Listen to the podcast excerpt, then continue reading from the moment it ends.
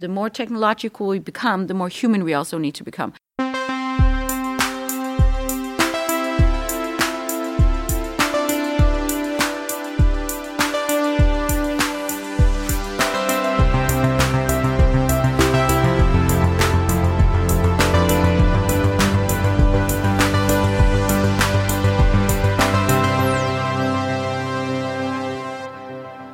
Välkommen till Heja Framtiden.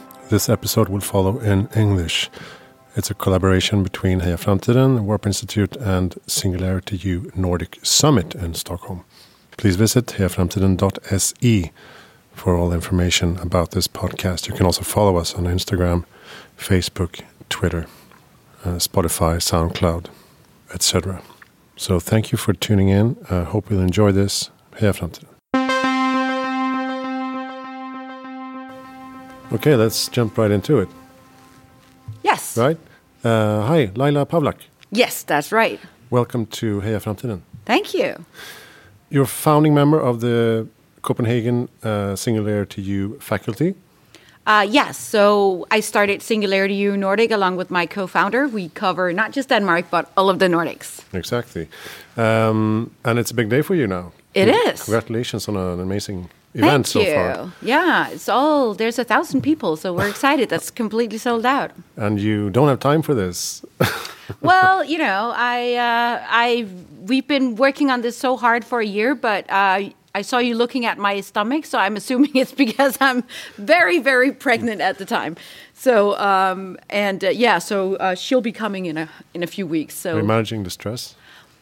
Ah, you know what? This is not, I mean, the stress is before. Now Yeah. it's, you know, we're doing it. Everybody's here. Speakers are awesome and people are happy. And so now we're just rocking it. So the listeners may not know exactly what Singularity U is. Uh, can you tell us briefly the, Sure. the philosophy behind it? Sure.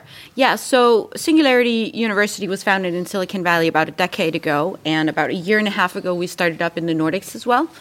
And really, the the the main sort of thought behind it is how can we make sure that people are um, aware of how technology is developing really, really fast in both artificial intelligence and robotics and digital biology and all of these different technologies that are not only developing at a rapid pace, but they're also converging. How can we make sure people understand this so that they can leverage technology to make an impact in the world? And we talk about the global grand challenges, really, and we address this also today, really thinking about how we use technology for good in an ethical, responsible way um, so that we can make our societies um, better and more prosperous for everybody.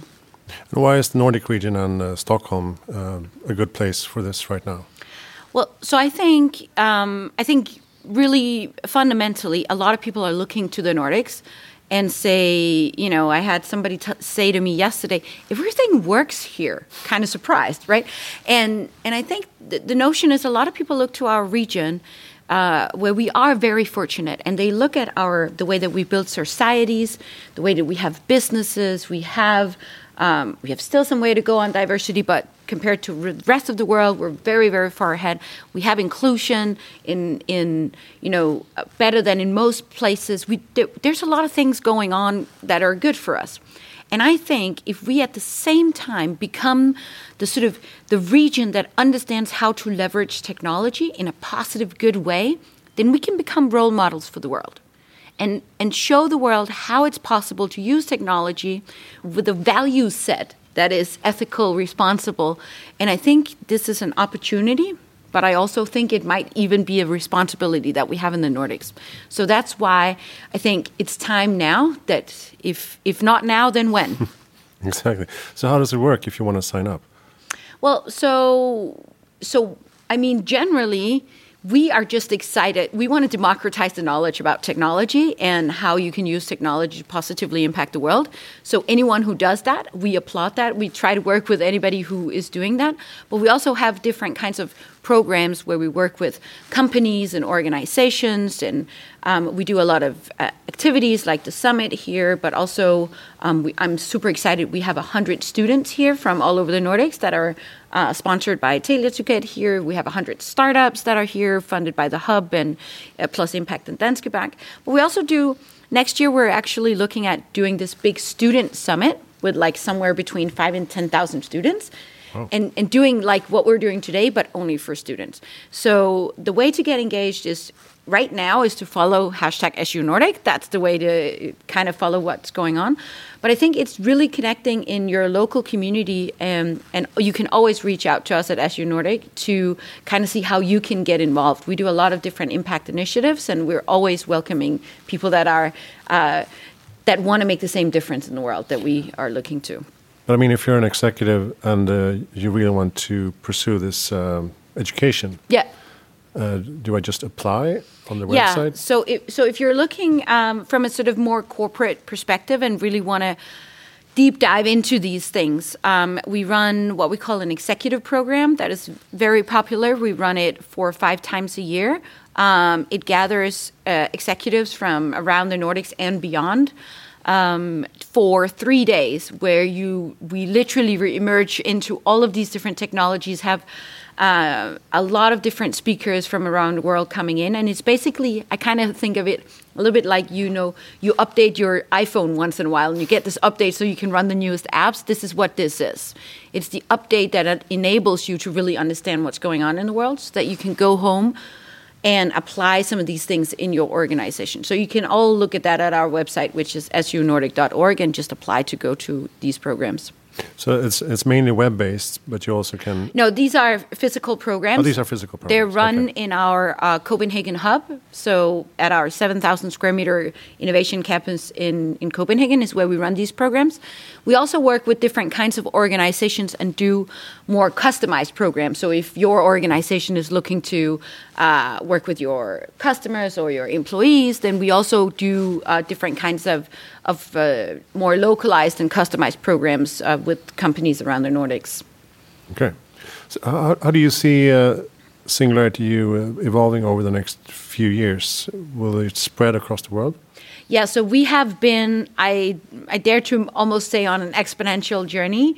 Um, we started uh, 10 years ago, and now we have more than 200,000 um, sort of alumni around the world in our community. We have uh, more than 150 chapters, which are volunteer entities that run salons and community events in in a bunch of cities around the world. Um, so I think there are two things. One is uh, obviously we we are going to also do um, more sort of online to reach an bro- even broader audience, and the other thing is we are going to go even more global. So we are seeing that um, there is a there's a strong demand for getting all of this uh, technological insight into sort of a also a local setting, which is also part of what we're doing now. In is really putting a Nordic perspective on some of these things, right? So it's important to have a global outlook, but also a local representation. So we are going to have more of these local representation, and and just for the Nordics, we're going to see a lot more different kinds of programs. We're engaging with a lot of different uh, groups of people. As I said, we're doing a lot of different impact initiatives as well. So, um, so I'm really excited about the future. Um, there's just some good stuff coming down. And uh, do you think the timing is right? Because, as you said, the technologies are converging. Yeah. So you can actually use all the bits and pieces of it.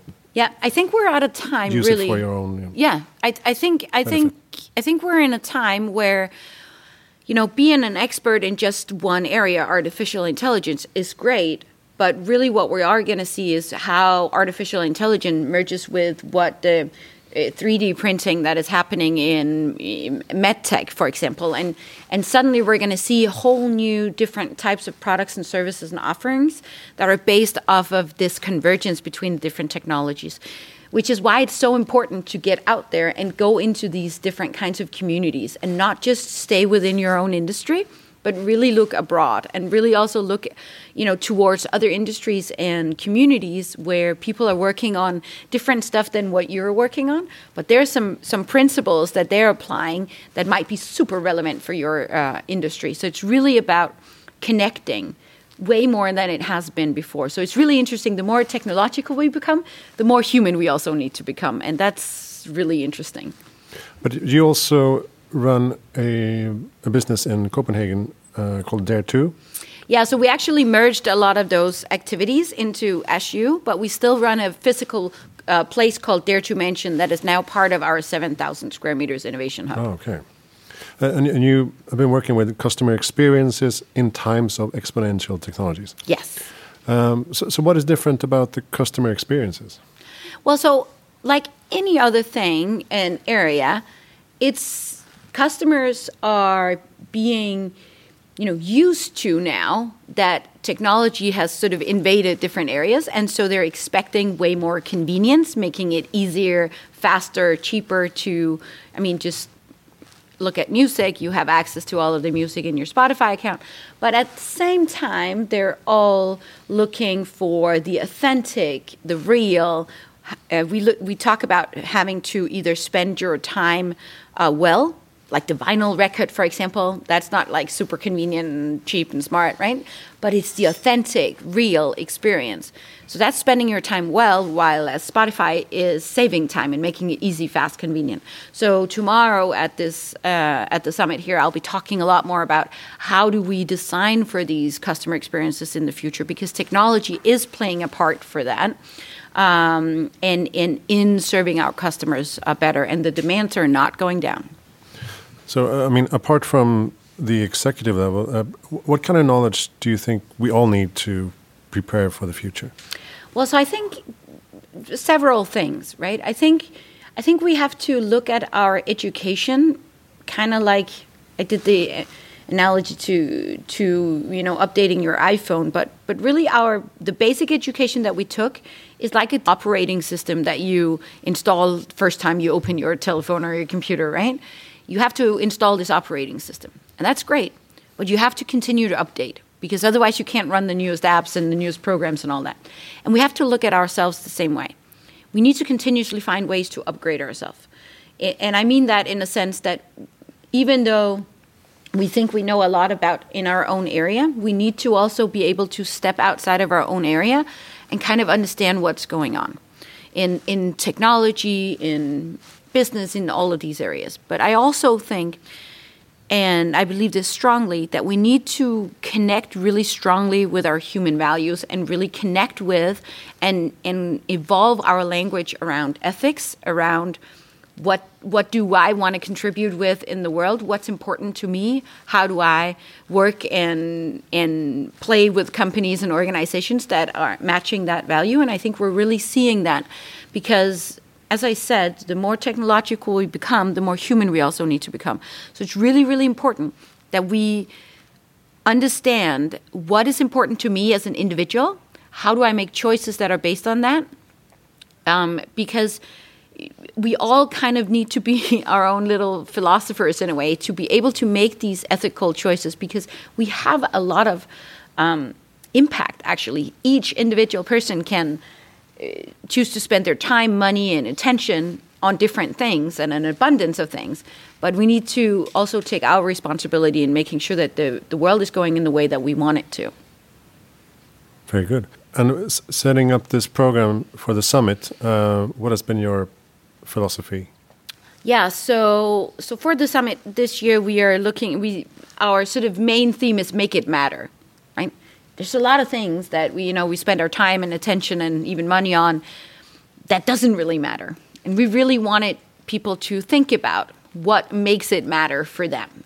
So we brought in speakers not just on technology. We have some of the most forward thinking people in different kinds of technology speaking here. But we also have people that are like shiza who co-founded the malala foundation right?